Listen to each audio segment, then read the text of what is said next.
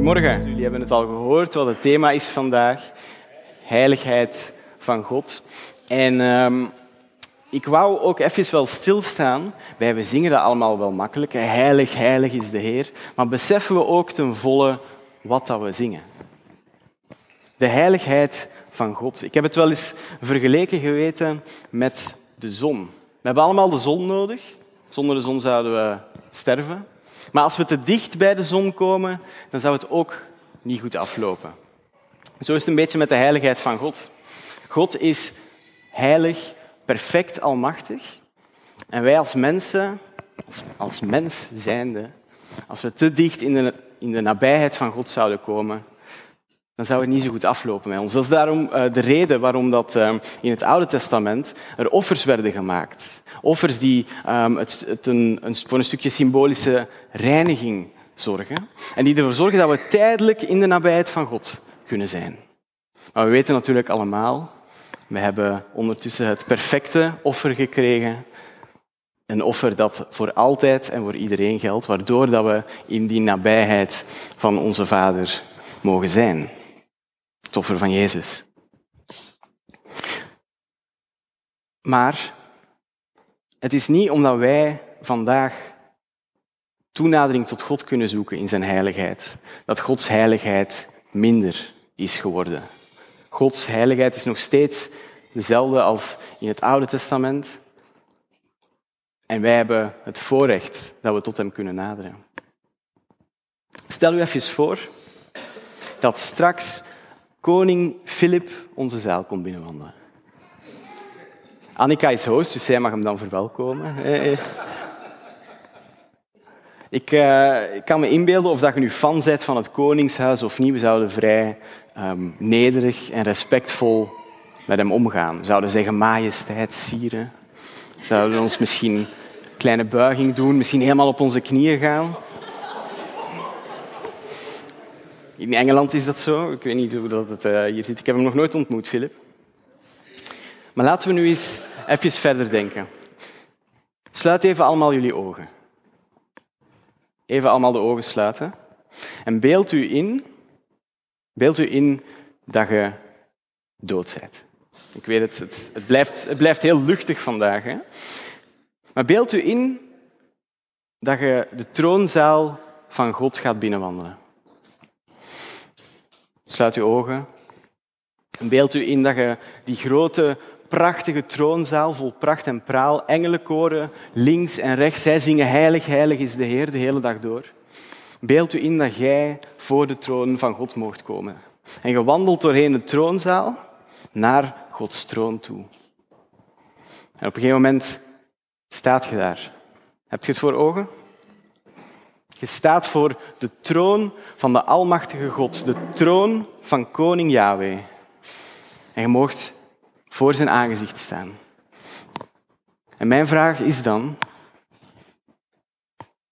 wat doet je?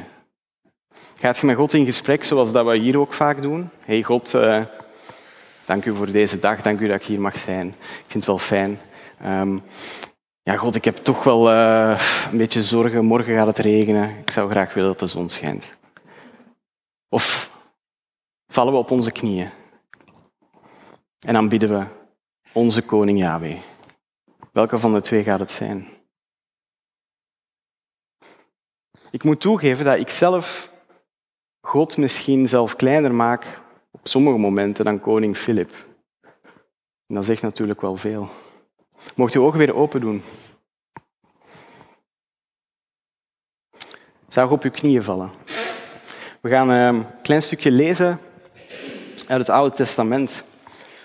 Het moment dat God op aarde komt, dat gebeurt niet zo vaak. Dat God zelf naar beneden komt, zeg maar. Op een gegeven moment doet hij dat bij Mozes. Als Mozes de, de tweede keer de tien geboden krijgt. De eerste keer dat hij ze kapot gegooid. De tweede keer dat God de tien geboden aan Mozes geeft, dan komt hij zelf in zijn heerlijkheid en heiligheid naar beneden. En dan staat er dit. De Heer kwam naar beneden in een wolk en ging daar bij hem staan. De Heer liep langs hem heen, en die hem is Mozes, en hij riep, ik ben de Heer. Ik ben vriendelijk en geduldig, liefdevol, vol medelijden en vol waarheid. Dat is een best mooie boodschap. Hij is vriendelijk en liefdevol. En wat is Mozes zijn reactie? Mozes knielde haastig op de grond neer en boog zich diep.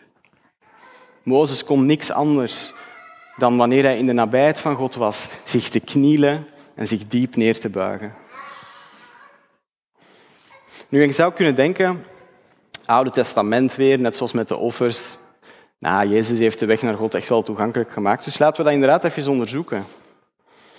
Laten we eens kijken naar wat Jezus ervan te zeggen heeft. Ik haalde daarnet Johannes 1 aan. Hè. Jezus, het woord, is naar de aarde gekomen. En helemaal op het einde van dat stukje schrijft Johannes dit. Hij schrijft, niemand, niemand heeft ooit God gezien.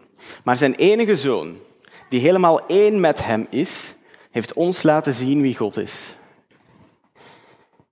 Zijn enige zoon, die helemaal één met hem is, heeft ons laten zien wie God is. Jezus heeft ons laten zien wie God is, want niemand zou God kunnen aanschouwen. Dus laten we dan eens gaan kijken welk beeld dat Jezus toont van onze koning Yahweh. Jezus trekt doorheen Israël en op een gegeven moment houdt hij een vrij lange preek, de bergreden noemen we dat. De bergreden zijn een aantal hoofdstukken in het Matthäus-evangelie. En een van de grote, grote thema's daar is het koninkrijk van God.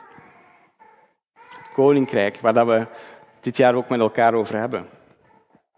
En Jezus zegt wel wat dingen over het koninkrijk van God. Laat me één voorbeeldje geven. Jezus zegt, als je door iets wat je ziet in de verleiding komt om iets slechts te doen, ruk dan je ogen uit en gooi het weg. Want het is beter dat je met één lichaamsdeel kwijtraakt dan dat je met je hele lichaam in de hel wordt gegooid. Bam. Dat is, dat Jezus die dit zegt. Ik ga nog een beetje verder, of ja, een beetje terug, want ik gooi het wat door elkaar. Matthäus 5, vers 20. Want ik zeg jullie, als jullie niet beter leven dan de wetgeleerden en de fariseërs, dan zullen jullie het koninkrijk van God niet binnengaan. Nu kunnen wij wel zeggen, ja, de wetgeleerden en fariseërs, ja, wij leven sowieso toch bezig. Dat waren de vijanden uit de Bijbel. Maar dat waren ook wel mensen die heel uh, toegewijd waren aan die wet van God te begrijpen. Die hun leven toewijden aan de Torah van buiten te leren en heel goed te onderzoeken wie God nu precies is. Jezus gaat verder. Als hij zegt hè, dat we beter moeten zijn dan de wetgeleerden en de fariseërs, dan maakt hij dat concreet. Jullie hebben gehoord dat tegen onze voorouders is gezegd, je mag niet doden. Lijkt me logisch. En ook als je een ander doodt, dan ben je schuldig en zul je door de rechtbank gestraft worden. Maar ik zeg tegen jullie, dit is wat Jezus zegt, als je kwaad blijft op iemand, ben je schuldig. Je zal door de rechtbank gestraft worden. En als je iemand voor sukkel uitscheldt, ben je schuldig. Je zal voor de Hoge Raad komen. En het wordt nog beter, als je iemand voor dwaas uitscheldt, dan zul je in de hel terechtkomen. Nou ja, die laatste is inderdaad heel gezellig. Ik zit wel eens in de auto Ja, maar dit is heel confronterend voor mij. Herkennen jullie dat?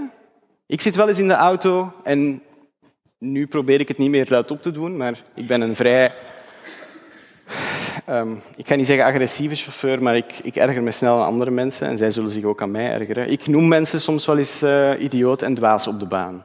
Ik uh, heb het geluk dat mijn vrouw vaak naast mij zit en me dan terechtwijst. En dan zeg ik, dan, maar dan haalt ze ook echt deze tekst aan. Hè? Dan zegt ze, Brent, weet wat Jezus erover zegt. Je merkt, ik heb een heel fijn en luchtig thema gekregen, hè, de heiligheid van God. En het zou misschien nu een beetje kunnen overkomen als een grote donderpreek of zo. Ah, kijk eens wat Jezus allemaal zegt. Maar ik wil ook het weer even in balans brengen. Want wat we niet mogen vergeten, dat zei ik in het begin ook al, we hebben ook die genade en liefde gekregen. Het beeld dat Jezus hier schetst van het koninkrijk, dat klopt, dat is de perfectie. En Jezus weet heel goed dat wij daar niet aan gaan kunnen voldoen. Daarom komt hij zijn offer brengen. Dat is de reden dat hij hier op aarde is. Gelukkig maar. Maar het doet dus niks af aan de heiligheid van God. God blijft dezelfde. God blijft die perfecte God. En in het koninkrijk van God, in die perfecte wereld, is het eigenlijk zoals Jezus beschrijft. Wat zijn we gezegend dat we genade hebben gekregen, want op ons eigen we zouden dit nooit kunnen waarmaken. Ik zou nooit, nooit meer in de auto mogen stappen. Is Yahweh dan jullie vriend of jullie koning? Die vraag wil ik stellen vanochtend. En het antwoord zou perfect kunnen zijn beide, uiteraard. Het is niet het een of het ander. Maar dan is mijn volgende vraag ook wel, en is dat in balans? Hebben we het beeld van koning Yahweh ook genoeg voor ons? Die heilige God, die almachtige God die boven alles staat, die een koninkrijk beschrijft waar wij als mensen eigenlijk niks, tot de, de, de, um, het niet zouden kunnen bereiken. We zingen dat dus heel makkelijk. Heilig, heilig is de Heer. Ik had jullie dat natuurlijk ook een beetje toe uitgedaagd. Dat was de hele opzet. Maar beseffen we dus de diepte van wat dat we zingen? We noemen het aanbidding hier vanochtend. Weten jullie wat aanbidding betekent? Aanbidding, als je in het Engels gaat kijken, wordt het al een beetje duidelijk. Worship, worship. Daarin hoort je het woord worth, waarde. Aanbidding betekent het erkennen van waarde. En God aanbieden betekent dus het erkennen van de waarde van de Almachtige God. Er is niks meer waardevol dan koning Yahweh. Dus als we straks ook gaan zingen met elkaar, als we gaan aanbidden, sta er dan ook echt bij stil. Als je zingt, heilig is de Heer. Komt het dan in het diepst van je hart binnen? Wat dat je aan het zingen bent voor die almachtige koning. Beseft je dat we een, uh, echt wel een, een gigantisch, onbetaalbaar cadeau hebben gekregen, dat we tot hem toe kunnen naderen, want normaal gezien zou dat niet kunnen.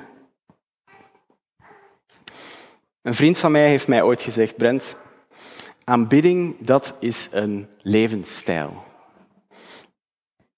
Het aanbidden hier als kerk samen, doorheen muziek, is enorm belangrijk. We uh, bouwen elkaar op. We maken onze God groot. Maar ik ga jullie ook zeggen, een half uurtje aanbidding per week. God verdient meer. Aanbidding is een levensstijl. Laat muziek daarvan een deel zijn, maar laat in alles wat dat je doet je streefdoel zijn om God te aanbidden. Of dat dat nu is uh, door hoe dat je met mensen omgaat, of dat het is hoe dat je je kinderen opvoedt, hoe dat je met financiën omgaat, van de kleinste tot de grootste dingen. Eigenlijk zou je bij alles de vraag kunnen stellen, aanbid ik God met hetgeen wat ik hier doe? Onthoud dan ook wel God is genadig. En het feit dat dat ons niet lukt op elk moment van ons leven is oké. Maar mag het wel een streefdoel zijn? Mag het voor u een streefdoel zijn om te zeggen, ja, ik wil God meer aanbidden met mijn leven? Hoe aanbid je God in uw leven? En misschien kunt u het nog straffer stellen. Hoe aanbid je God met uw leven, met alles wat je doet? Iedereen kan daar nog vorderingen maken, want we zijn falende mensen en we hebben een heel leven nodig en we gaan, er, toch nooit de perfectie bereiken hier. Dus voor iedereen ligt hier een uitdaging in. Of dat je nu van jezelf denkt, ik heb echt geen... Uh, ik aanbid God eigenlijk helemaal niet. God houdt van u, weet dat.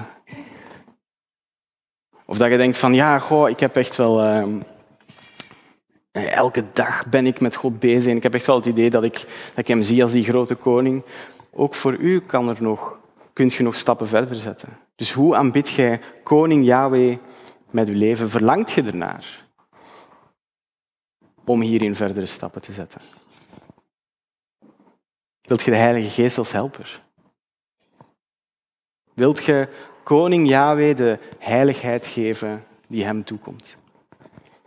Beeld u in dat als we die troonzaal binnengaan, de eeuwigheid, dat we met z'n allen God gaan grootmaken. Dat we met z'n allen heilig, heilig gaan zingen. Dat mag hier ook al, dit mag uw streefdoel zijn hier op aarde ook al. Om God echt de waarde te geven die hem toekomt en hem te aanbidden. Als je zegt, ja, eigenlijk wil ik hier wel een volgende stap in zetten. Eigenlijk ervaar ik het wel op dit moment dat ik God nog meer wil eren dan wat ik op dit moment al doe met mijn leven. Nou, dan gaan we straks um, een paar mensen aan de zijkant van de zaal hebben staan, waarmee dat je samen mocht bidden om voor de troon van God te komen. Als we straks gaan zingen, denk dan ook na over die vraag. Hoe aanbid je God met je leven? En wat is de volgende stap? Vraag aan God. Heer, hoe kan ik de volgende stap zetten om uw heiligheid te erkennen? Om u alle waarde te geven die u toekomt. Als daar een verlangen in uw hart leeft, dan wil ik u uitnodigen om echt op um, een van ons af te stappen als we straks aan de zijkant staan. Ik ga ergens staan, Michael en Dries en Tanja. Stap op ons af. En laten we dan samen bieden. Laten we samen zeggen, Heer, ja, we willen echt ons leven verder uh, in dienst zetten van U te eren. Dat is ons uiteindelijke, ons ultieme doel. Als je zegt, ik vind dat wat moeilijk, blijf gerust zitten. Misschien zit er iemand naast u met wie dat je samen wilt bidden. Misschien bid je op je eigen. Dat is allemaal oké. Ga even recht staan, beste mensen.